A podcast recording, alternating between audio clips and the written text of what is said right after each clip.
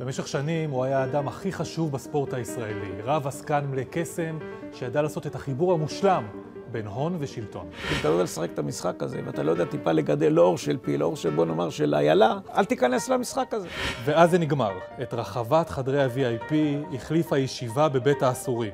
ארומת הקוקטיילים והסיגרים נעלמה לטובת שגרה של אדם שחירותו נלקחה ממנו. הבעיה היא הבעיה הנפשית שלך, הבעיה שלך שאתה היית למעלה ואתה מרגיש עם המצפון שלך מושפע לגמרי.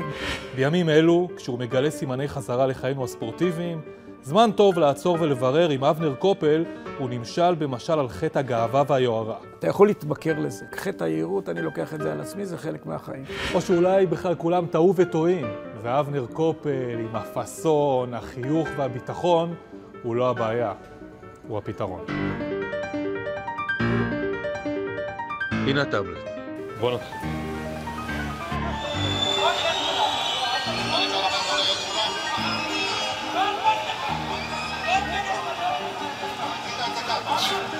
שמעתי את דני קליין אומר בוא נראה את המגרש. כן, כן, הוא אמר לך שאנחנו נראה את כולנו אחריך.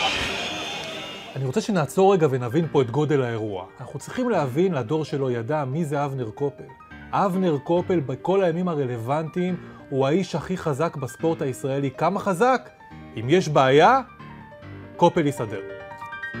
קופל יסדר, 2001, הפועל ירושלים כועסת אה, במהלך משחק מול מכבי תל אביב, דני קליין אומר למאמן יורם חרוש, רד מהמגרש, תפוצץ את המשחק, קופל יסדר. קופל סידר? ניסיתי לסדר, אבל שמעון עבד עליי. מה קרה? מה קרה? דני ירד, אני רציתי שהמשחק הייתי משקיף מטעם איגוד הכדורסל. דני הוא חבר טוב, דמות אה, באמת אה, מדהימה מבחינתי. והם ירדו, ואמרתי, המשחק לא יתפוצץ. ביקשתי ממכבי תל אביב, תחכו, אנחנו נתנו לי כמה דקות, אני ירד להביא את דני חזרה. ירדתי לדני, שניים, שלושה משפטים, ודני אמר, אוקיי, אני חוזר. אמרתי, אם אתה חוזר, בוא נשתה עכשיו, היה שם מכונה, זה היה בחדר הלבשה של ה-VIP. יש, בוא ניקח אספרסו קטן, יחכו עוד שתיים, שלוש דקות, ואז אנחנו נחזור, בשביל שלא לעשות את זה, איך אומרים, נעשה את זה אלגנטי. אני גומר האספרסו של דקה וחצי, אנחנו חוזרים חזרה, מכבי אינם. נעלמו. איפה מכבי? ביקשתי שיחכו. אמרו, שמעון אמר שאם הם ירדו, אנחנו נוסעים, לא מחכים, נוסעים הביתה. ובזה נגמר הסיפור. המשפט הזה הוא משפט הוא משמעותי, כי זה היה איזשהו ביטוי לתחושה מסביב שאבנר קופל, עם כל היכולות שלו, עם ההשפעה שלו, עם, ה... עם הכריזמה שלו, עם הנוכחות שלו, הוא יוכל לפתור דברים. אתה יודע, חשבתי על זה. כשקוראים לך עסקן, זה מעליב אותך? אני לא מתייחס, זו לא מילה שהיא נכונה מאוד, עסקן. עסקן יותר מילה מעליבה קצת. למה? למה זה מעליב? המושג עסקן זה כאילו שאתה מתעסק גם עם עצמך, שאתה לוקח עם בנפיט לעצמך. אני לא חיפשתי מעצמי כלום, היה לי, תודה לאל, כמה גרושים שעשיתי לבד. אז למה, למה אתה צריך את זה? אני אהבתי את זה, רציתי את זה, היה לי טוב, הרגשתי נוח. אני עבדתי בהיקף לא קטן בתקופות האלה, התחלתי לעבוד אותם בעצמאי והתחלתי את הכל מאפס. וזה נתן לי כאילו, איך אומרים, אתה יוצא למשהו שעושה לך טוב על הנשמה. כן, אתה מצטער שהיית עסקן? לא, זה היה שווה את זה? זה שווה מאוד. כשאתה על הגלגל אתה לא שם לב לזה, המשפחה נפגעת, העבודה נפגעת, אבל כשאתה על הגלגל ורוצה מאוד, זה אתה לא שם לב. רגע, כן. מתי אתה שם לב? או בדיעבד, או שקורה משהו. נכון שזה נו- זה נתן לי איזשהו כוח אישי, קשה לי להסביר את זה, כוח, איך אומרים, כיף אישי בעניין הזה. מתמכרים לזה. מתמכרים לזה. ב- בדיעבד, עם כל הדברים האלה שזה לקח ממך, אתה לא מרגיש שאולי אפשר היה לוותר על זה או לעשות את זה אחרת? לא, אתה דרכת על יותר מדי אנשים בדרך. מעולם לא. בחיוך, מעולם לא. בפאסון. מ- השארת אנשים כשאתה עלית למעלה, שחיכו לך בירידה למטה ועזרו לך לרדת למטה. מעולם לא דרכתי על אף אחד, מעולם לא פגעתי באף אחד, מעולם לא לקחתי החלטה שזורקת מישהו, מוציאה אותו, מנפה אותו, לא היה דבר כזה. אני איש של אנשים, להפך.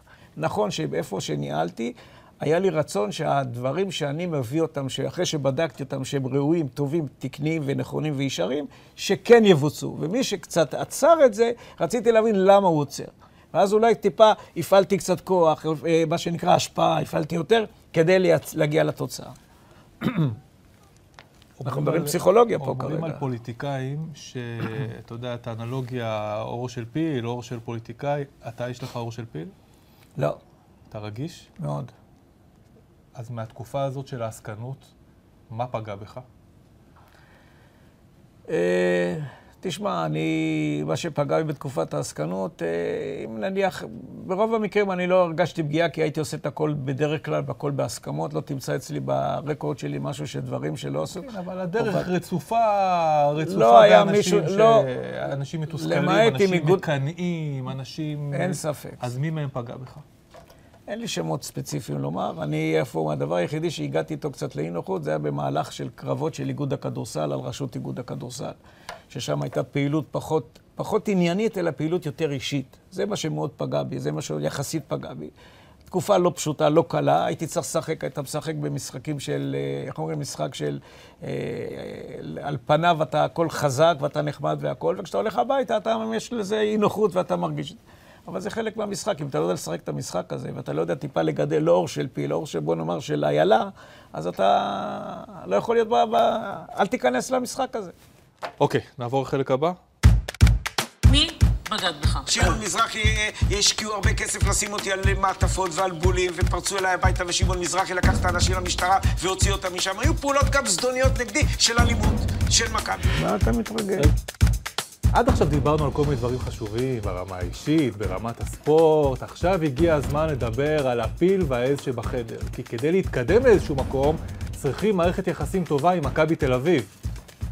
הילד אבנר קופל, בשנות ה-70, את מי הוא מעודד? מכבי תל אביב. כמו כולם. כמו 100% כולם. רייטינג, מיקי מוטי.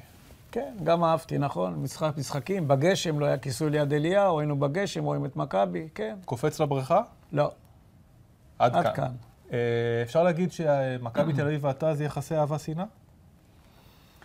לא, היה לי יחסים מאוד טובים. בתור אוהד אתה מדבר? לא, אחר כך כשאתה נכנס לא לביזנס. שנאה, היה לי יחסים אה, בין יחסי מאוד הערכה רבה, עם יחסים קורקטיים. לא יכול להגיד שנאה. לא היה לי שנאה לרגע. אה, כיושב ראש מנהלת הליגה, אנחנו עכשיו קופצים בזמנים אחורה וקדימה. האוהדים של מכבי תל אביב, גם ראינו איזשהו חלק מהעניין הזה כאן, במחאה שיטתית ואישית נגדך, אה, ענייני פיינל פור, ענייני חוקים אחרים. זה לא מגיע סתם, מישהו, מישהו מסיט את האש מכיוון אוהדי מכבי תל אביב לכיוון שלך, וזה אנשי מכבי. קודם שאלת אותי אם הייתי, נפגעתי, נפגעתי מאוד.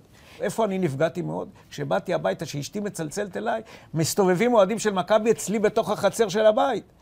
ואני הזמנתי משטרה ובאתי הביתה. עוד ומי משפט. מחלץ אותם מהמשטרה? יפה, ואני מזמין משטרה, ובאה המשטרה, ותופסים שלושה ארבעה אנשים שבתוך הבית, החצר של הבית, אה, יש לי ילדים קטנים. ואז לוקחים אותם ופותחים להם תיקים. ואחרי יומיים אז, אז אני הולך ומצלצל לחבר במשטרה בכיר, מה קורה עם התיק, לדעת, שאני, לעצור, שלא יבואו עוד פעם. אומר, על מה אתה מדבר? היה פה שמעון מזרחי, שחרר את כולם, הסביר לנו מה קרה שם, ובשלב זה אנחנו לא ממשיכים בתביעה, בטיפול. כי יש אבנר, יש קופל יסדר ויש שמעון יסדר, הוא ידע לסדר. שמעון הוא איש מכבי טהור של צהוב. הוא לא אוהב אדום, הוא לא אוהב זה, הוא עושה את. הכל סביב האינטרס של מכבי, וזה לגיטימי וזה נכון. אלא מה קורה? שאם אתה יושב בתפקידים ציבוריים, שאתה צריך להסתכל על כל הקבוצות או על כל הכדורסל, לפעמים הוא היה בוחן כל החלטה בזווית, אם זה טוב למכבי או לא טוב, בניגוד למשל לדויד פדרמן או למוני פנן, זיכרונו לברכה, אפילו לרקנטי שבא יותר מאוחר. כשרציתי לעשות עסקים יפנים, הלכתי עם היפנים, הלכתי ללמוד שלושה ימים לדעת איך עושים עסקים יפנים. כשאתה רוצה לעשות עם שמעון, לדעת איך להתנהל מול שמעון בדברים ספציפיים, אתה צריך לדעת לעשות קורס בשביל לדעת להתנהל. כשאני ניהלתי והגענו להסכמה ששמעון וכל מכבי הסכימו לה אחרי סיבוב שהייתי צריך לעבור, כל הדברים היו בהסכמה. פיינל פור הייתה בהסכמה, היה בהסכמה. לא היה חד צדדי של הצבעות. אצלי לא היו הצבעות עשר שנים במנהלת. נכון. עשר שנים לא היו הצבעות. הייתי הולך קודם כל, הנה אני מספר לך סוד. כשרציתי פיינל פור, הולך לשמעון, מה דעתך? שמעון היה עושה פרצוף, הייתי הולך לדויד פדרמן. וכשבאתי לדויד, ואף אחד לא ידע שאני הולך לשני. נפגשתי, הערכה אדירה לכולם, אנשים שנתנו ועשו את הכדורסל ואת הספורט הישראלי. דיוויד אמר כן.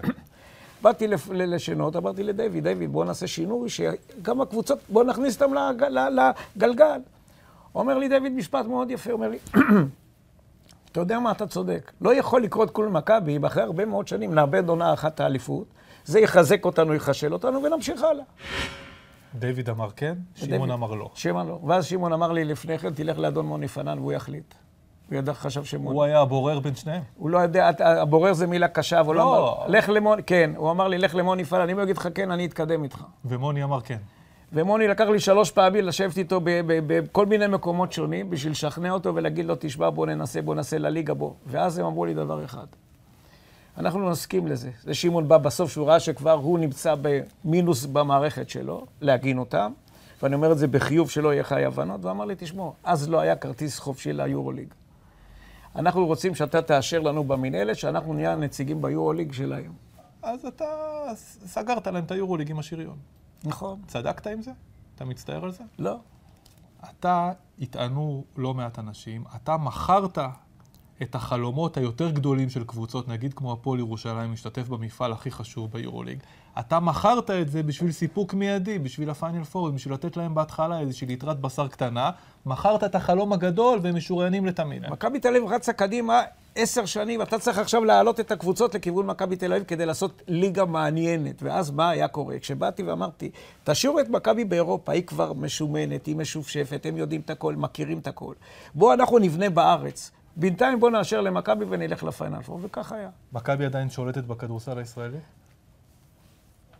אני יכול לומר לך, על התקופה שאני הייתי, היא לא שולטת, יש לה השפעה גדולה. המילה שולטת היא לא נכונה, כיוון. כן שהמינהלת, היא שול... יש לה היום השפעה משמעותית, היא לא שולטת. כשצריך להביא החלטה שנוגעת לכל הקבוצות במינהלת, יש להם כל אחד. כשאם מביאים את זה לאיגוד הכדורסל, אז יש לו רוב מוחלט שם באיגוד הכדורסל. מוני פנן,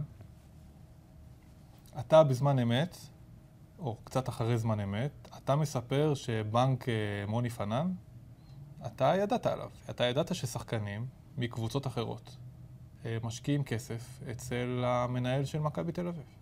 צלצל, אני לא ידעתי, צלצל אליי יום אחד דיוויד פדרמן.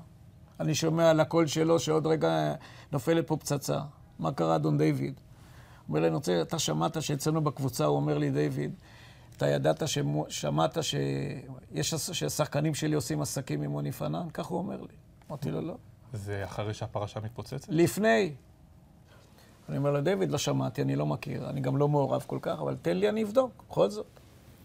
ואז אני מצלצל לשרון ששון, שחקן ששיחק במכבי, משחק במכבי. קשר משפחתי. קשר משפחתי, חתני, נשוי לביתי מאי. אומר לו, שרון, תשמע, אני שומע שהוא לא עונה בטלפון. אמרתי לו, תקשיב, זה משהו פרטי, אתה לא צריך להגיד לי שמות, לא כלום, רק תגיד לי אם יש דבר כזה. הוא אומר לי, כן, מה, אתה, מה זה חדש לך? יש להם שם ביניהם, עושים כך, דברים כאלה ואחרים, אני לא רוצה להיכנס יותר לעניין. אתה בפנים? לא. צלצל לדיוויד, אומר לו, תקשיב, מהמקור שלי, אני אומר לך שיש דברים כאלה, תבדוק בתוך הבית שלך. לא יכול להיכנס יותר לעניין, אבל תבדוק בבית. זה אחרי שהוא אומר לך שיש את זה בבית. הוא אומר אם אני שמעתי, כי הוא כנראה שמע ולא ידע בטוח ולא כלום, הוא רצה להצליב את זה ממקורות למה הוא אחרים. מתקשר אליך? היינו די קרובים באותה תקופה, כל מה שקשור בכדורסל, היינו, איך אומרים, אחד המינים, הוא הבחור מאוד אמין, בחור, היינו מאוד, אני אוהב אותו, את המשפחה וכולי, בלי קשר. למה אין לי מושג? צלצלתי, חזרתי אליו, אמרתי לו, זאת, ה- ז- זאת התשובה, לך תעשה בדיקה, בדק בית בתוך הבית. בדיעבד, היה צריך לעשות משהו קצת אחר בסיפור הזה? זה, זה פצצת אטום.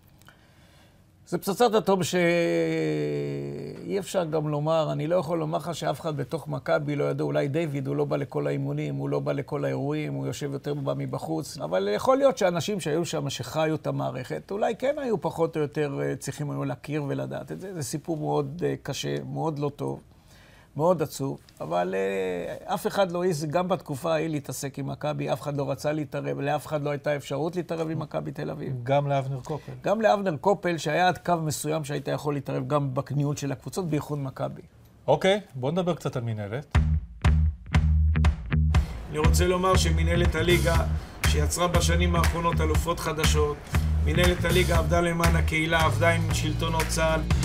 המנהלת, גבינו 122 מיליון שקל עבור ליגת הכדורסל, עבור הקבוצות. חברים, אני מודה לכם, ואם אפשר אה, לדבר. עוד פעם, עוד פעם, עוד פעם.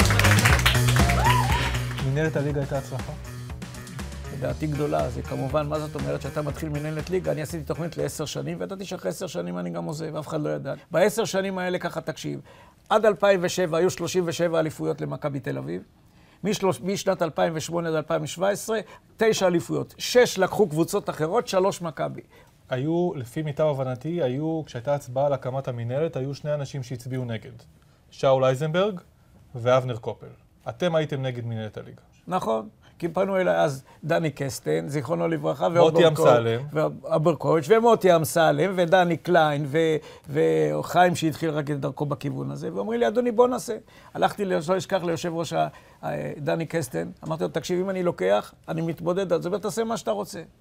ועשינו את זה ביחד. אבל, אבל, אבל, אז לא היה כלום. לא היה כסף, לא מערכת, לא מנכ"לים, לא, לא, לא, לא תפאורה, לא, מער... לא, לא משהו שהוביל. אז ישבו אצלי במשרדים, אני ניהלתי מהפקידות שלי את המינהלת, שילמתי כסף מכיסי, הזמנתי את הבורקסים על חשבוני, אה, לא יהיו בורקסים, אני הזמנתי קצת יותר טוב מאשר מזמינים היום. ברור. הכל עלה על חשבוני כסף בשנתיים, שלוש ראשונות. שכחנו? ימים אלו אנחנו חוגגים 20 שנה בדיוק. להקמת מנהלת הליגה, שזה סימבולי, כי אנחנו חוגגים גם את מסיבת הפתיחה וגם את מסיבת הסיום. עושה רושם שזה נגמר.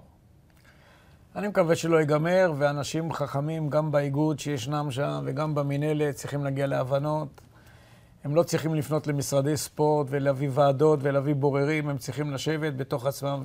אוקיי. נמשיך? כן. קצת שוק, קצת סקס באוויר. לזכותו של קופל ייאמר שאת הכסף הוא מגייס בקביעות, ואת הבעיות הוא יודע לצבוע בצבעים עם הרבה שואו מסביב.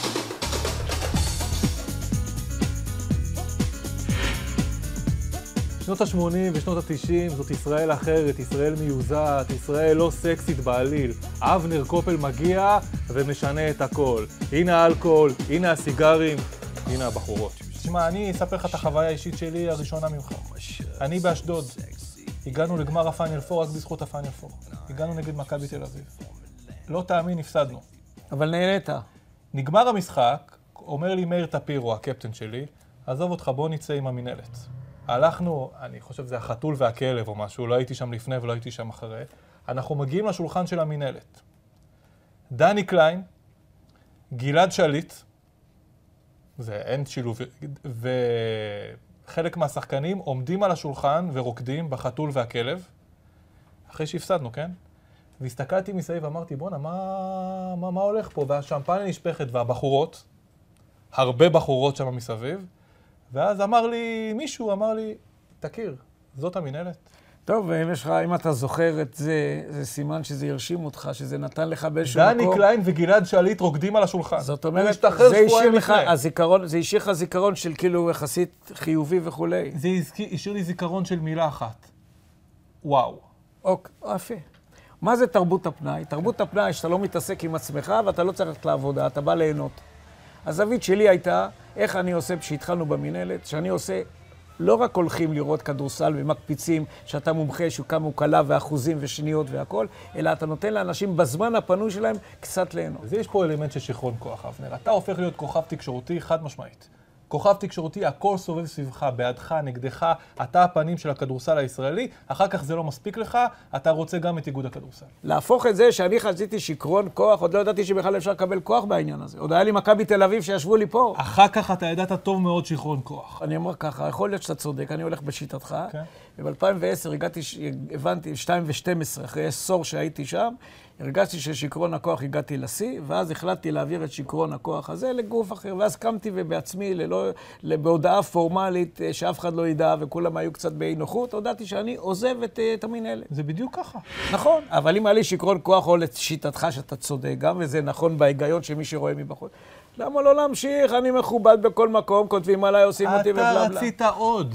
אני עזבתי, ב- אני הודעתי על התפטרות. אתה רצית עוד. אתה מיצית את העניין הזה, אתה רצית להיות הבוס של הבוס עכשיו, של איגוד הכדורסל. לא, פ- פנה אליי, פנו אליי, היה שם סכסוך נוראי, דמים. היה שי שני, יושב ראש איגוד הכדורסל. אתה הצלחת להביא למצב שהמרכז שלו, הנשים שלו, הלכו נגדו, שמעון מזרחי הלך איתך, הפועל הלכו איתך, ביתר הלכו איתך, אליצור הלכו איתך, כולם הלכו איתך, אתה הדחת אותו בלי הצבעה.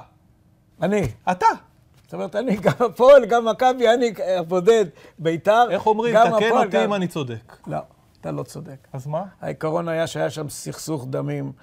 אני אומר לך, בין היושב ראש שי שני, שהוא היה יושב ראש, שהיה בחור מצוין, עם מכבי והפועל, ואז הם החליטו, אני עזבתי טרם שהתקבלתי, נבחרתי ליושב ראש, והם החליטו שהם רוצים לעשות שינוי, וראו שאני כבר לא במינהלת, וידעו שאני איש ספורט וכדורסל, ועשיתי משהו, אמרו, בוא, אתה תהיה יושב ראש האיגוד. אני אמרתי דבר אחד, רק אם הפועל ומכבי ייתנו לי יד אחת, בלי הצבעות, בלי כלום, אני נכנס, אני מוכן לקבל את התפקיד. אבנר, יש לי שאלה אליך. בבקשה. עכשיו ברצינות. עד עכשיו עכשיו היה- צחקנו. צחק, וואה. עד עכשיו צחקנו. אני שואל אותך ברצינות. איפה השלב, לא מתי, סליחה, לא אם, איפה השלב שבו אתה מרגיש שאתה תופס את העולם ב... ב... באזור החלציים? שאתה יכול בשלב הזה להניע כל מהלך שאתה רוצה, כי אתה מניע פה מהלכים מטורפים. לא מינפתי את עצמי. התקדמתי, נכון, היה לי אפשרויות, היה לי אפשרות בתקשורת, היה לי אפשרויות בכל מקום אחר, אתה צודק, כי עשו, הייתה הערכה, כנראה שהייתה גם הערכה, אני מנסה להבין היום, הייתה הערכה למה שאני ביצעתי, אז הסכימו ללכת בכיוון שלי.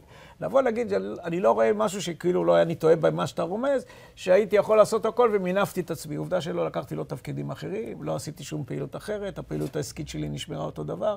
לא ניצלתי את זה לטובתי האישית, לא עשיתי משהו בטובה אישית. גם לא קיבלתי שכר. אוקיי. נמשיך? כן. עכשיו אתה הולך לספר לי סיפור הזוי לגמרי על הקשר בין ההסכמים הקואליציוניים של הממשלה המכהנת לאיגוד הכדוריד ואיגוד הכדורסל. תשמע, הכיצד? איך אמרת, האגדה שהייתה באמת, זו, אוקיי, החליטה פאינה קירשנבוים, שרת הקליטה שהיא גם הגזברית של מפלגת ישראל ביתנו, לפנק בתקציב אה, מימון מפלגות את הספורט הישראלי. זה קרה בזמן כהונתו של קופל כיושב ראש האיגוד. יפה, מכספי האיגוד. כל הכבוד לקופל. בוא, בוא נעצור רגע עם כל העניין הזה של הספורט והאישי וביתר ומכבי. הסיפור של אבנר קופל הוא סיפור של מיתולוגיה, מכוח בלתי נגמר עד לעוד אסיר בכלא חרמון. קודם כל, אה, מדברים פה על אה, פאינה קירשנבוים, אה, אחת הנשים החזקות בישראל ביתנו. אחת הפרשות שיוצאות שרלוונטיות אליה זה פרשה שקשורה באיגוד הכדורסל. אתה נעצר בפרשה הזאת מאס- מאסר בית, משהו כזה של עשרה ימים, ואתה מנוקה מהעניין הזה. לדעת אפילו בעקיצה, בקריצה, שאתה לטובת איגוד הכדורסל, לטובת הכדורסל, אתה משתף פה פעולה, לוקח כסף ציבורי, ומישהו על זה גוזר קופון לא לגיטימי. אתה לא הגזמת פה בסיפור הזה. זה סיפור מאוד עצוב. לא במובן הפלילי. זה סיפור מאוד עצוב, אני אגיד לך דבר פשוט. אני צלצלתי ושאלתי את משרד הספורט האם זה לגיטימי, אני לא אשכח, אמר לי אדון דודו מלכה, אם אתה תצליח לקבל את העודפים של המפלגות האלה, אתה ענק. הוא עוד דחף אותי. וצלצלתי לווינגייט איציק הניסים, היועץ המשפטי, אם זה מותר לקבל, חזרה אליי, אמרה, זה מצוין, אפשר לקבל את זה, אין שום בעיה. למה בדקת את זה? כי רציתי להיות בסייף סייד, למה? כי רגע. חששת? ברור, חששתי. ואז הציגו לי מישהו שאמר לי, הציגו לי כנגד זה, אנחנו רוצים 20% בפגישה הראשונה. אמרתי לו, תשמע, אתה רואה את הדלת, אתה יכול לצאת, אני בשביל 20% לא. למה? אמרתי, אם אתה נותן 7-8%. ואז מה אני, מה אני אמרתי? ואמרתי את זה גם בבית משפט, כי הוזמנתי להעיד. אני אמרתי לו, תשמע, כבוד השופט, היום בארצות הברית, גם אז וגם היום, יש הרבה מאוד אנשים שאוספים כסף עבור מדינת ישראל לצבא, לישראל, צבא ההגנה לישראל. ואתה יודע מה קורה? כשהם עושים את הכסף לצבא ההגנה בישראל, הם מקבלים 10% תמורת הכסף הזה. רגע, לא. לפני שאתה עושה לי לא. הכסף הזה עובר מגוף ידוע, ציבורי, לעניין הזה. וכתוצאה מזה, הכספים האלה, הם לא, רובם הם לא מכספים ציבוריים, לא מגופים ציבוריים. הם גם ציבוריים, אנחנו וגם עמותות משנוררים ציבוריות. מכל מיני יהודים עשירים. גם... גם אבל ב- היהודי העשיר פה זה המדינה, ואתה, הסנסורים שלך נדלקו. אתה הבנת שמשהו פה לא בסדר, בגלל זה אתה הלכת לקבל חותמת כשרות מכל מיני יועצים משפטיים או יועצים אחרים, והלכת למהלך הזה, כשאתה יודע שזה מהלך פישי.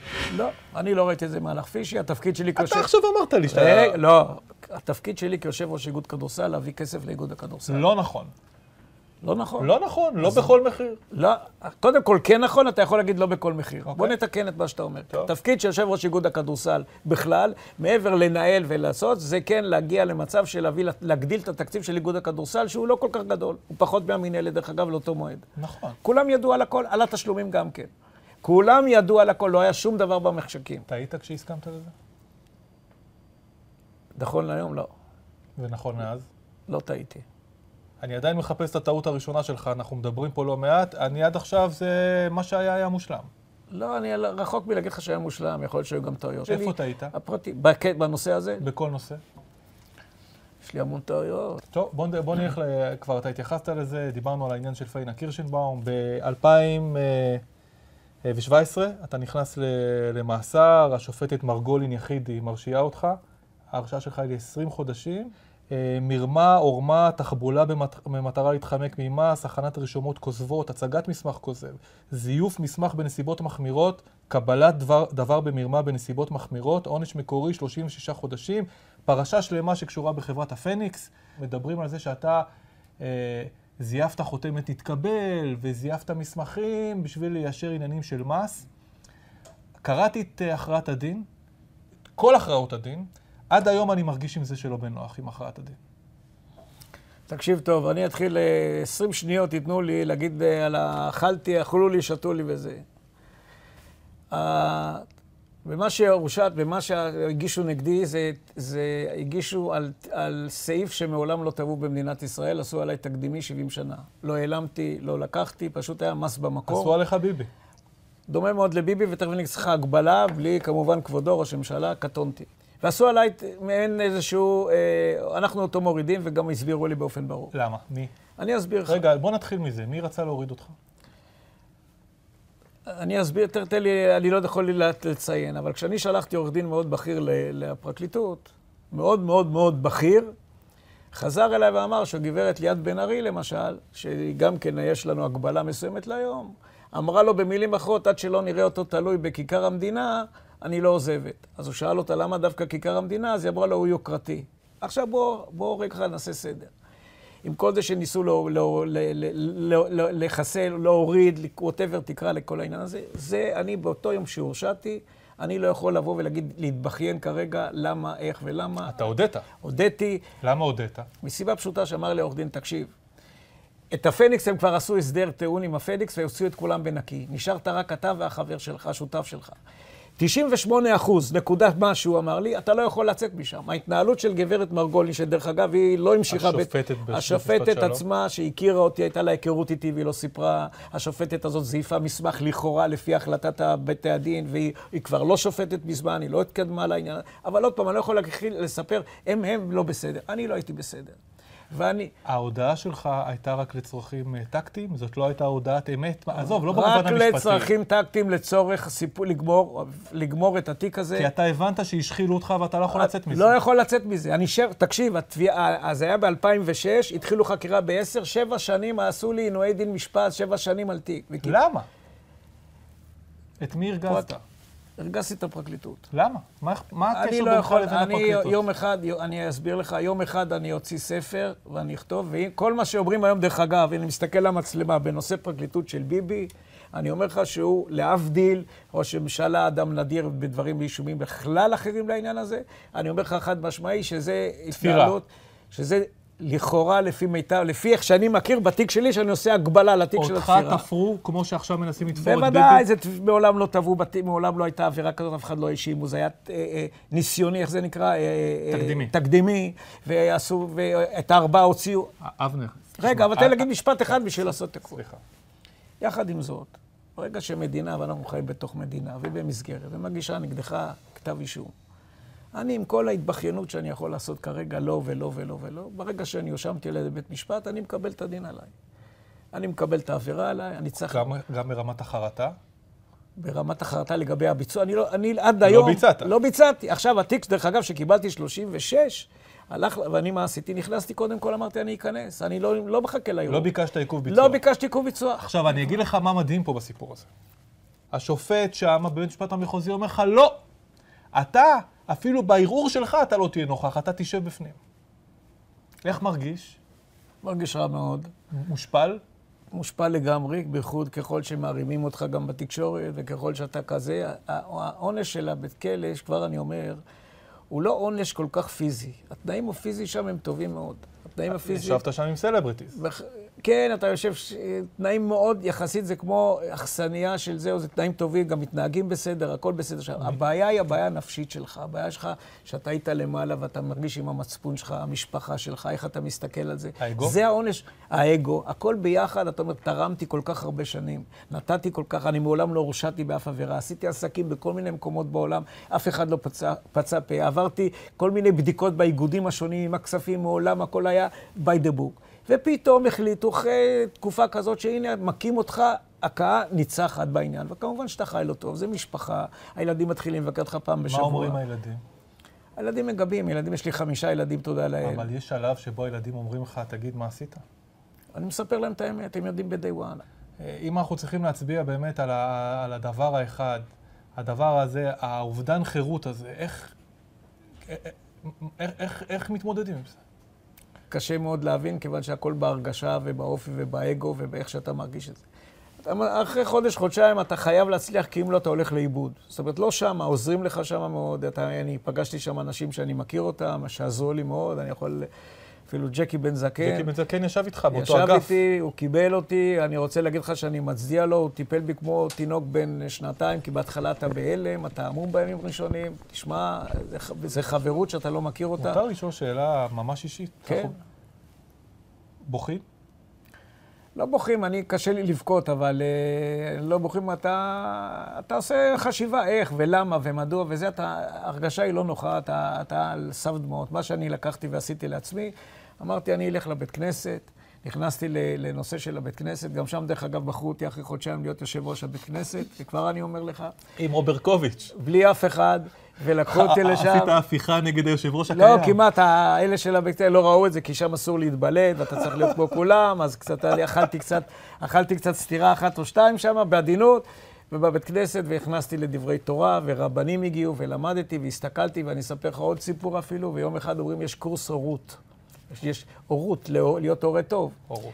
לי, ואם אתה מצליח בקורס הורות, אתה מקבל עוד ילד מתנה. אתה, הלוואי, אתה יכול להביא את הילדים ואת כולם לתוך, ה, לתוך הבית סוהר, ואז אמרתי, הולך ללמוד קורס הורות. ויושבת אחת שאין לה ילדים, ומלמדת אותי, יש לי חמישה ילדים, ומלמדת אותי איך להיות ההורה. עכשיו, בשביל של- להצליח בקורס, אתה צריך להגיד, כן, כן, כן, כן, כן. ואני אומר כן, כן, והילדים, אני אומר לה, אני אגדל ככה את הילדים, הילד שלי יותר גדול ממנה, הבכור כבר. אור, הבחן בן הבכור. שיחקת את המשחק. קיבלתי את... זה מה שעושים. זה מה... קיבלת את ה... אתה נמצא במסגרת, אומרים לך ככה תתנהג, תתנהג ככה. תן לי תובנה אחת שהגעת משם, לא יעזור לך, בסוף אתה תצטרך להגיד. אנחנו חגים סביב העניין הזה. תובנה אחת בזמן הבלתי נגמר הזה שם. זה מה שאני חש... אני חשבתי לתומי שם. יכול להיות שאני חשבתי שיש לזה עוצמות מיוחדות ככל שאתה גם בתקשורת, אני לא צריך לספר לכם את זה. וככל שמעלים אותך כך, גם הירידה היא קטלנית למטה. אתה יכול להתמכר לזה, אסור להתמכר. נכון שהייתה לזה. גוון, היה לזה, אני לא התמכרתי, היה לזה גוון של יהירות, גוון שאני הכל יכול לעשות בתקופות מסוימות, גוון שהכל כאילו, הכל קל יחסית בעניין הזה. חטא היהירות, אני לוקח את זה על עצמי, זה חלק מהחיים. אה, אתה יודע, יש פרק כזה של שאלות סיום, עכשיו זה קצר. קצר. קצר. מה הסיכוי שאנחנו נראה את אבנר קופל מתישהו בקרוב, עוד פעם, בכיר, בתוך ההתאחדות לכדורגל למעשה? אתה רוצה? כרגע לא. מי מאמן הכדורסל הכי גדול שהיה פה? או... אני מאוד נהניתי, אני לא יכול להגיד לך וואן, עם כל הכבוד, אני נהניתי. צביקה היה לו, היה מאמן ברמה כזאת, בוישלב ויינקרץ, מולי- הרביעייה הזאת, קצורין, אה, אה, אה, מאמן הנבחרת. אה, לא, לא, לא, לא יוצא. מי שחקן הכדורגל הכי גדול שהיה פה? הייתי שם, אתם אוהבים את זה, הוא איש תקשורת גם, בין... אה, ברקוביץ' כל- קל. ברקוביץ' ועוד שלו, רביבו, ברקוביץ', הייתי שם שלושה, ארבעה שאני מאוד אה, אם אתה יושב ראש ההתאחדות לכדורגל, ברקוביץ' מאמן הנבחרת? לא בטוח. שאלה אחרונה. שאלה אחרונה. מי העסקן, עסקן הספורט, הכי מרשים שיצא לך לראות בתקופה שלך? שמעון מזרחי, אבנר קופל, תודה רבה. תודה רבה לך. ועכשיו זמן תגובות. מהפרקליטות נמסר, טענותיו של מר אבנר קופל שקריות ומסולפות מיסודן העולות לכדי דיבה. אחרי שהובאו בפני בית המשפט כל הראיות בתיק בו הוא נאשם, והתנהלה פרשת ההגנה במלואה, בכלל זה חקירתו של קופל, במהלכה עלה חשד לביצוע עבירות נוספות על ידו, הוא בחר להודות בכל עובדות כתב האישום שהוגש נגדו, והורשע בעבירות מס וזיוף חמורות בהיקף מיליוני שקלים. לעניין טענות על עינוי דין. מפתיחת החקירה ועד הגשת כתב אישום עברו כשלוש שנים, קבועי זמן מקובלים, בהינתן היקפי החומרים והמרמה המתוחכמת שביצע על התחמקות ממס. בגזר הדין, דחה בית המשפט את הטענות לעניין שיהוי והעביר ביקורת חריפה על התנהלותו של קופל. לעניין האמירה המיוחסת לכאורה לעורכת הדין ליאת בן ארי, מדובר בשקר גס ובוטה, הנאמר כשמועה מפי אדם אנונימי, והדברים הם בגדר הוצאת דיבה על כל המשתמע מכך. פנינו גם למכבי תל אביב כדי לקבל תגובה, אך אה, זו בחרה שלא להגיב.